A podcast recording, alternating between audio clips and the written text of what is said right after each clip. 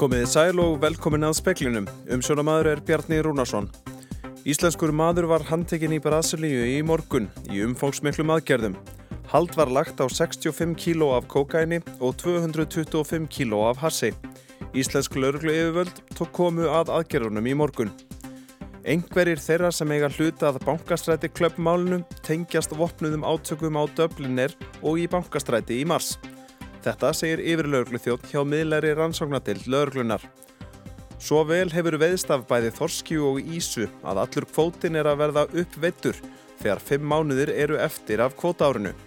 Framkvæmtastjóri landsambands smábátaegenda vonar að Havró flíti endurskoðun og auki kvótan sem fyrst enda hafi sjómenn aldrei sé aðra eins fisk gengt. Mörgum sveitafélög eiga í rekstrar erfileikum, staða árborgar er slæm en þó ekki einslæm og til að mynda Reykjanesbæjar á árum eftir hrun. Mikið áttak þurfti til að koma þeim rekstri í samt lag. Talið er að yfir 120 hafi látið lífið í loftarás hersins í Myanmar á Þorpi landinu í gerð. Týr hvenna og barna eru meðal hinn að látnu. Íslandingur var í morgun handtekinn í Brasilíu í umfángsmiklum aðgerðum brasilísku allríkislaurglunar í samstarfið í Tölsk og Íslensk laurglu yfirvöld. Brasilískir fjölmilar segja að umrættur Íslandingur sé Sverrir Þór Gunnarsson, betur þektur sem Svetti Tönn.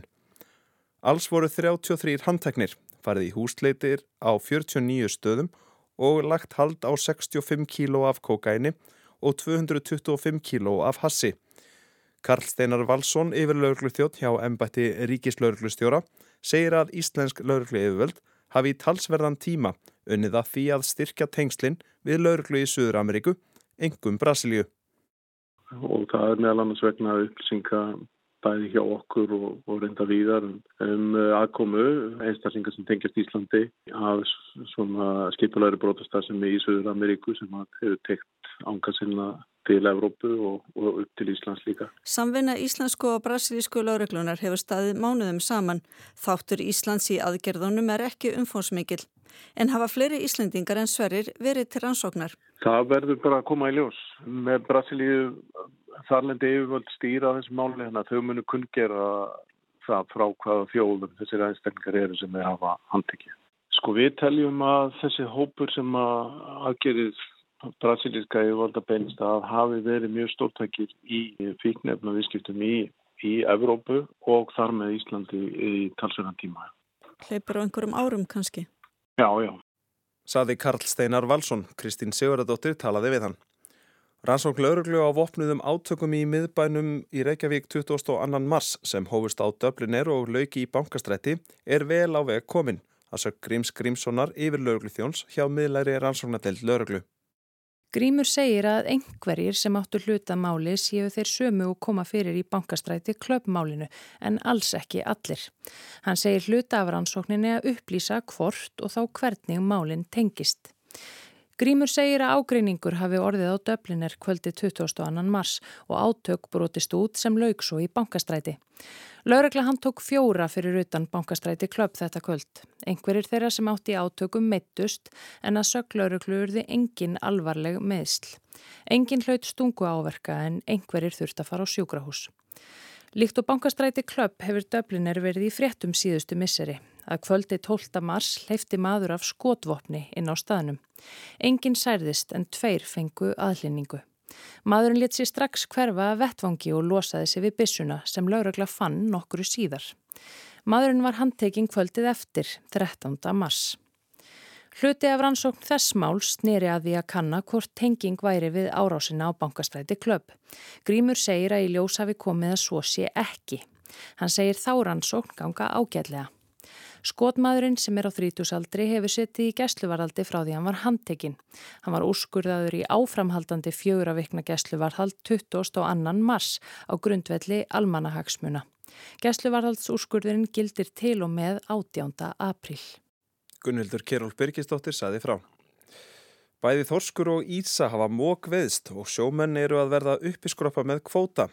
Nú þegar næstum fimm mánuðir eru eftir af kvótaárinu. Framkvæmtastjóri landsambands smábátaæganda tilur ástæðu til að flýta fyrir sjáanleiri kvótaaukningu.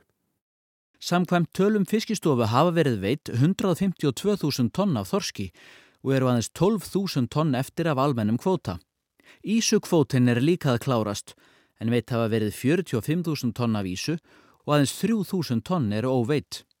Til viðbótar á eftir að veiða úr byggða pottum svo sem strandveiði sem er öll eftir. Nýtt fiskveiði ár hefst ekki fyrir 1. september, þangað til eru næstum 5 mánuðir. Örn Pálsson, framkvæmdastjóri landsambands smábátægenda, tilur alla líkur á að kvótin verði aukinn. Það er nánast allir að verða kvótalöysir og horfa upp á það að þeir hafa aldrei orðið varu við jafnmikla fiskjengd eins og hefur verið núna undanverð. Því finnst mér ástæða til að flýta þeirra aukningu sem fyrir sjónlega er. Það því enginu öðru en að það verði bætt við ótann verulega.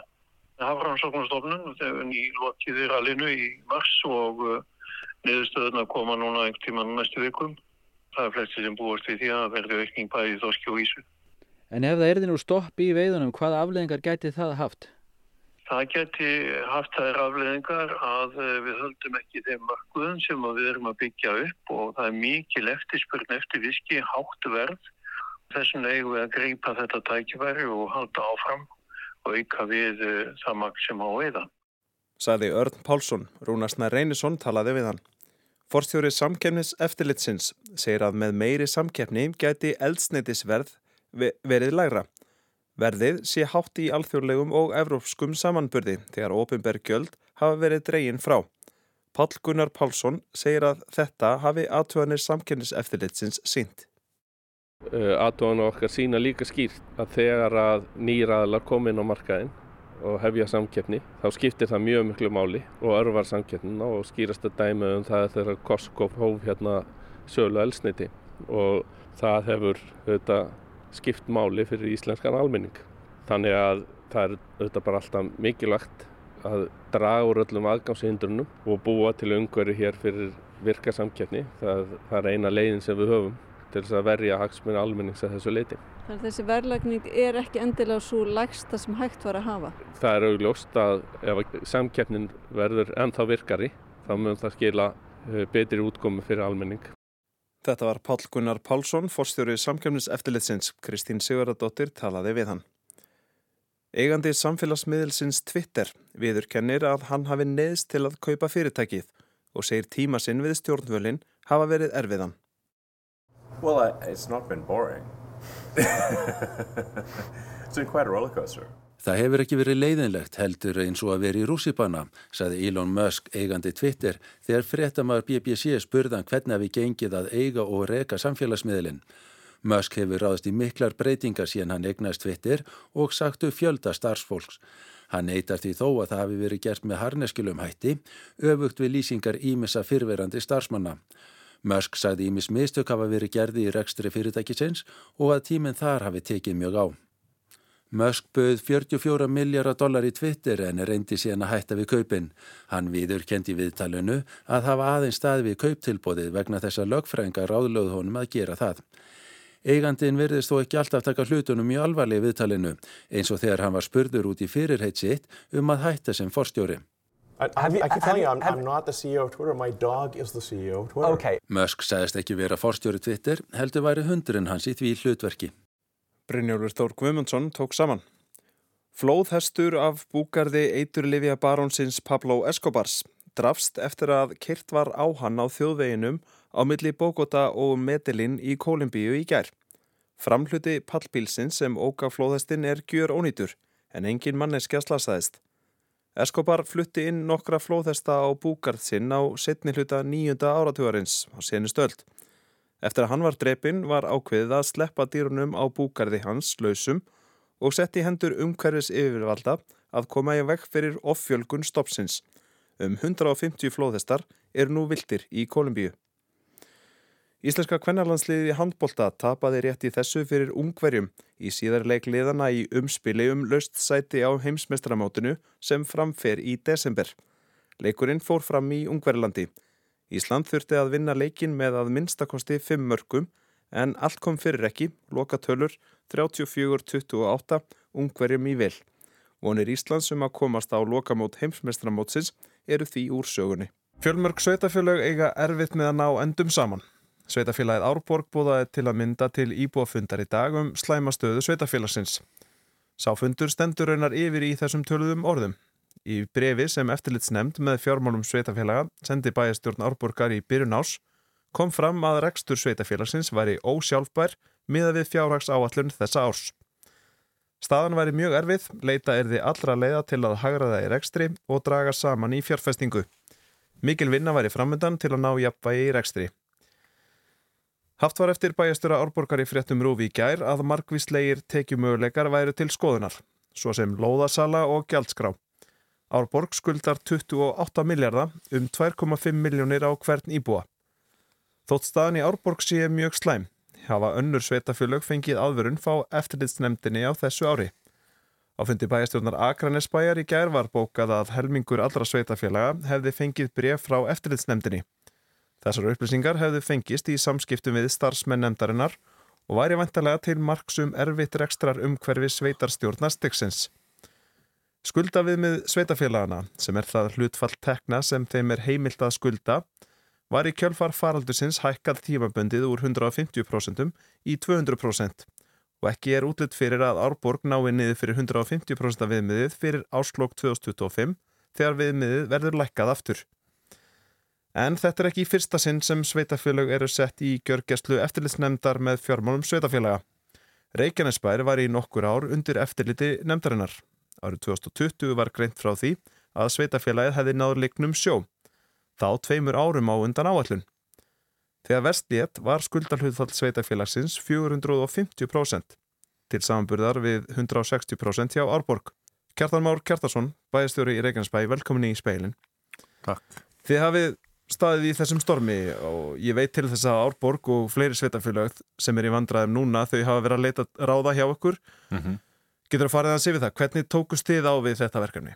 eins og kom fram í ingangi þá var skuldavið með komið yfir 400% þarna eftir að reikniskila reglum sveitafélag var breytt árið 2010 og 2012 tóku ný sveitarstjórnalög gildi og inn í þeim var ákvaði með um fjármál og fjármálareglur. Það búið svona nikja á því og komin, komnar mjög svona, vil ég segja góðar en nokkuð strángar fjármálareglur. Og þegar ég kem að þessu 2014 þá var staðan ekki, ekki glæsileg. Og við einhendum okkur í það starfsmenn íbúar og bæjastjórn að vinna í málunu og ná þessu skulda viðmiði niður og höfðum tíma til 2022 til að gera það. Höfðum tíu ár frá því að sveitastjórnar nýju sveitastjórnar lögin tóku gildu 2012 þá höfðum við tíu ár til 2022 til að komast undir 150% og við byrjum á því að fá úttekt á stöðunni Haraldur Lindahl Haraldsson Eh, svo síðar bæjastöður í Hafnafjörði en á þeim tíma ráðgjafi byrjaði þessa vinnu fyrir okkur eða fyrir sveitafélagið og það var enda fyrir bæjastjóð sem að óskaði eftir því. Og svo þegar hann ríði sig til Hafnafjörðabæjar sem bæjastöri árið höstu 2014 og þá fengum við KPMG í lið með okkur. Eða reyndar hattum sömari voru þeir komnir að málunu og Við heldum svo íbúafund í lok oktober 2014, svona svipaða árborg er að gera núna. Þess að við lögðum bara spilin á borðið og svona, svona lítur þetta út. Þetta er það sem við þurfum að gera, kynntum þá áallun og náðum sem betur fer og ég vil taka það bara og get ekki undistrykka það nægilega mikið að við náðum og hversu mikilvægt það er að ná góðri samstöðu um þessar aðgerð. Sérstaklega á meðal bæfutrúa og líka náttúrulega bæja búa sem tók á sig auknar álögur. Svo heldum við okkur bara nákvæmlega við þetta plan sem var ofta tíðum erfitt en skilað árangri og við erum í miklu, miklu betru málum í dag og erum langt undir þessu viðmiði. Sko hvað er mitt fælst í því að, að sveitafélag sé undir eftirliti þessara nefndar? Hver, hver eru þeirra ítök svona í rekstur sveitafélagsins? Eftirlitsnefnd með fjármálinn sveitafélag, hún starfar á, á hérna vegum ráðunetsins sveitastjórnaráðunetsins og hún hefur bara mjög stíft eftirlit með fjárhásállunum, ásreikningum getur kallað eftir hérna, gögnum frá okkur. Við þurfum að bera fjárfestingar ákvarðanir undir hana þegar við erum komin í hennar umsjám að segja.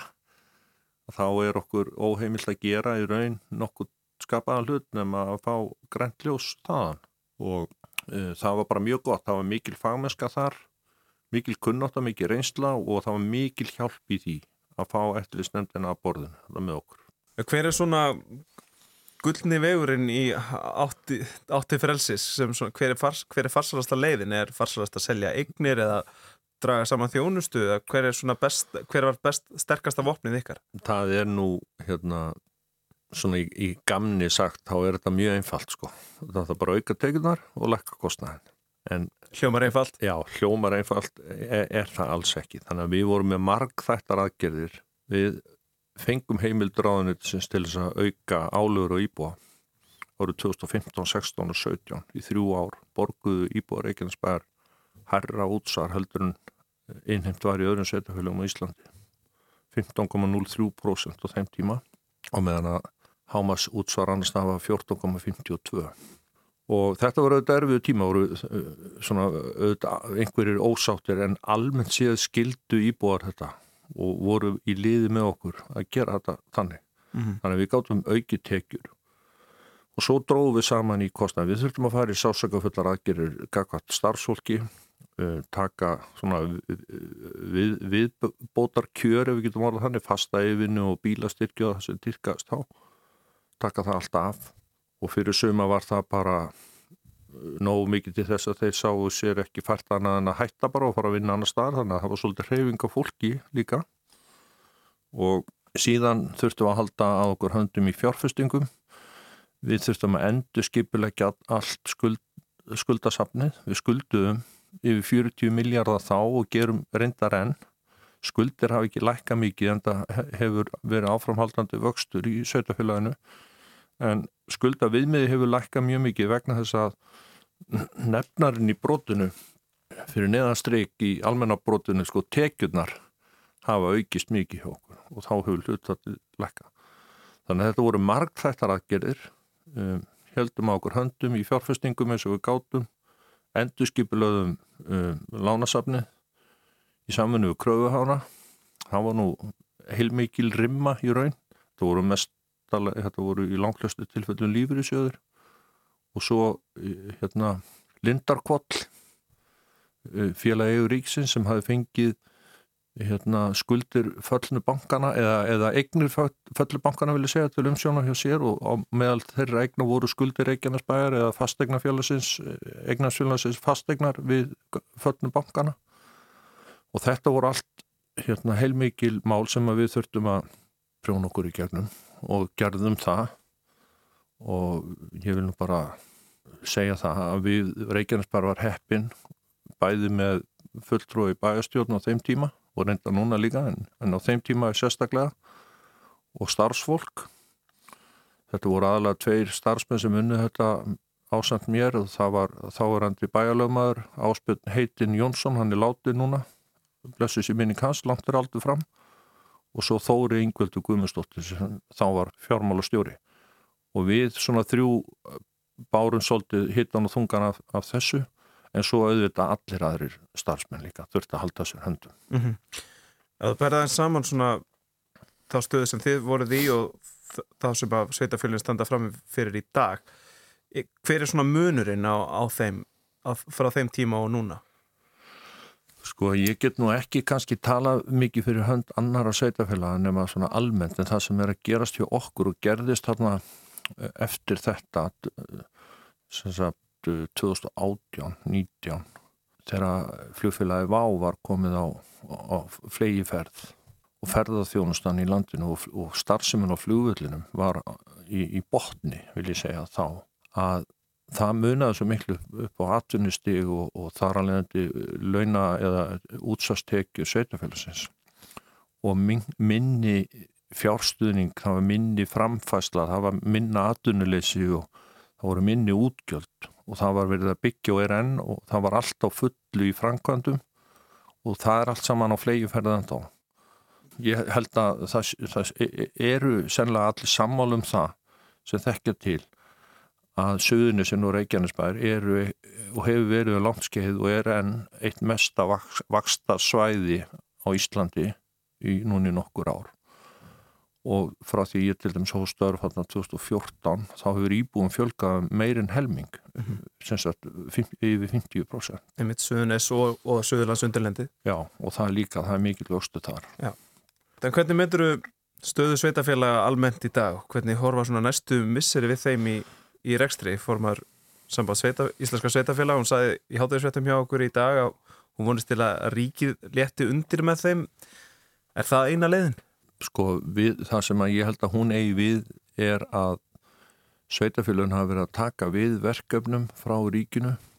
Já, já, hún vísar í þá málaflokka. Gr som... Grunnskólan á sínu tíma og svo núna síðast málefni fallara og það auðvitað tekur tíma að átta sig á eins og til dæmis í málaflokknum, hérna málaflokki fallara að átta sig á hver raunveruleg fjárþörf er. Ríki segir setjafélagunum eitthvað þegar yfirfæslan á sér stað svo kemur kannski eitthvað meir í ljós.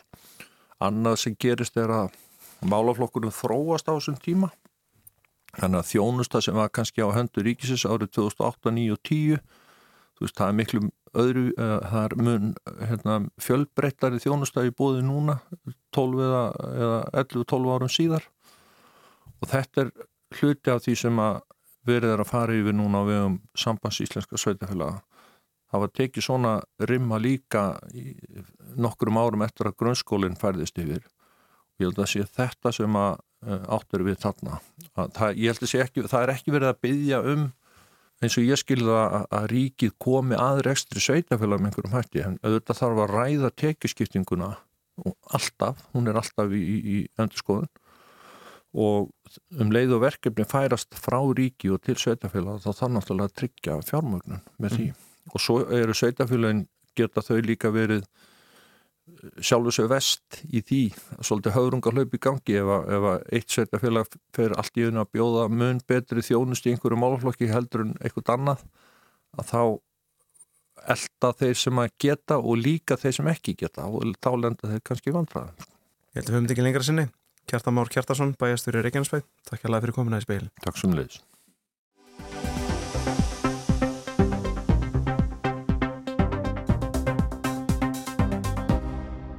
Talið er að yfir 100 manns hafi fallið í gær í árás stjórnarhersins í Mjanmar á félagsheimili í þorpinu Patsigi í norðvestur hluta landsins. Breskaríkisútvarpið BBC hafði í dag eftir heimildarmönnum í þorpinu að yfir 8-10 lík hefðu fundist í rústum húsins.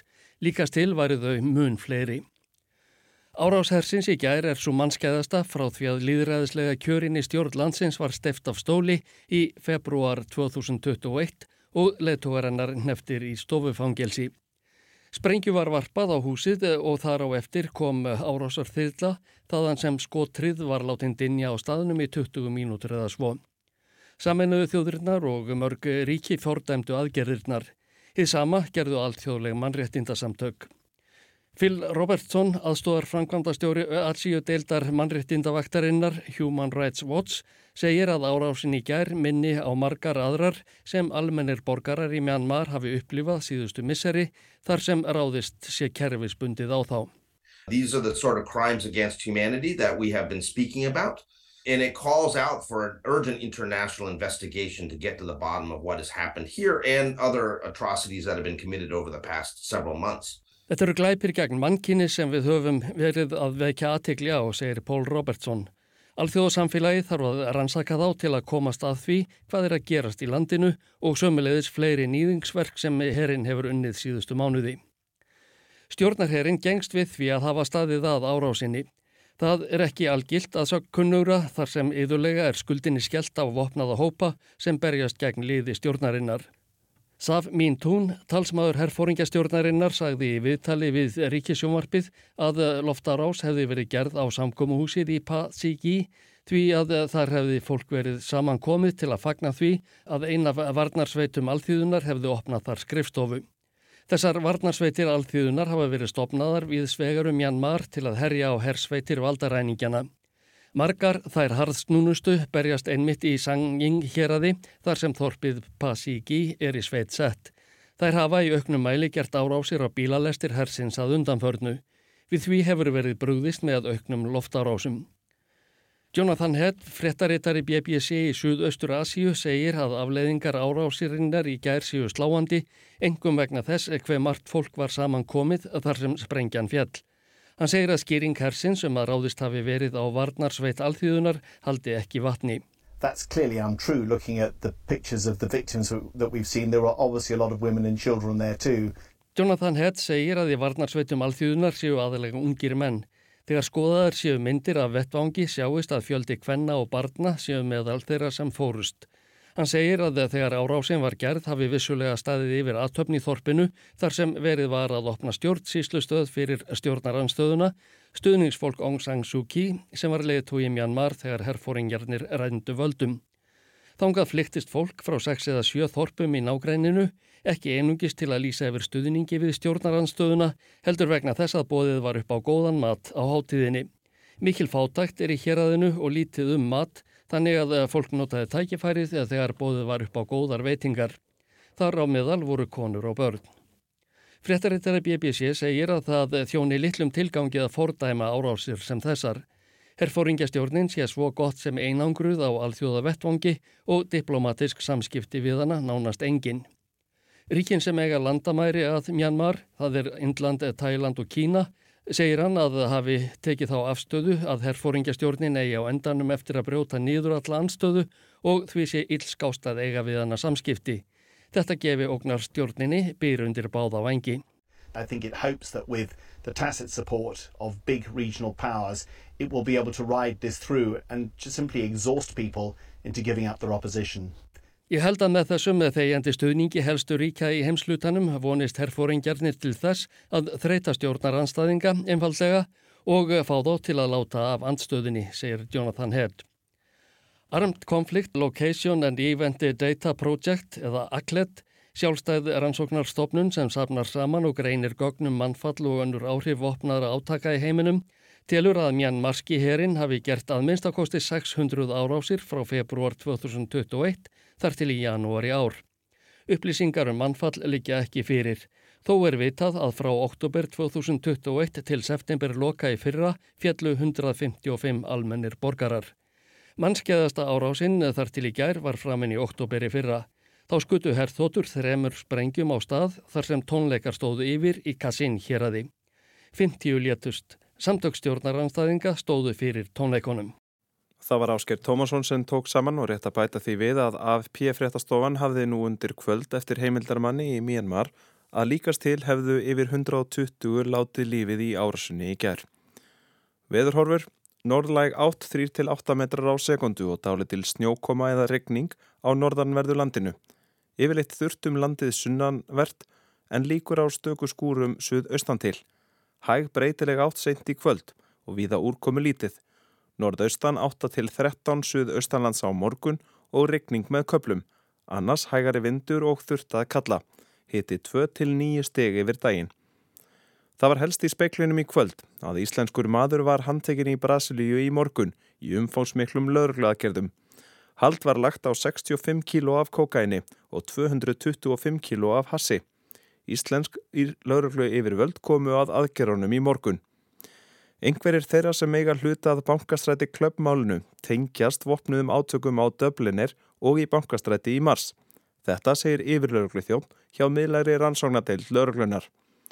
Svo vel hefur veðst af bæði Þorski og Ísu að allur kvótin er að verða uppvittur þegar fimm mánuðir eru eftir af kvótaárinu. Frankvæntastjóri landsambands smábótaæganda vonar að Havró flíti endurskoðun og auki kvótan sem fyrst en það hafi sjómen aldrei sé aðra eins fisk gengt. Mörgum sveitafjölög, mörg sveitafjölög eiga í rekstrar erfileikum, staða árborgar er slæm, en þó ekki eins slæm og til að mynda Reykjanesbæjar á árunum eftir hrun.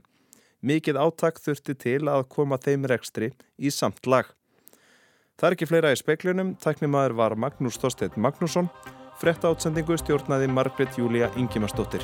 Njóti kvöldsins og verðið sæl.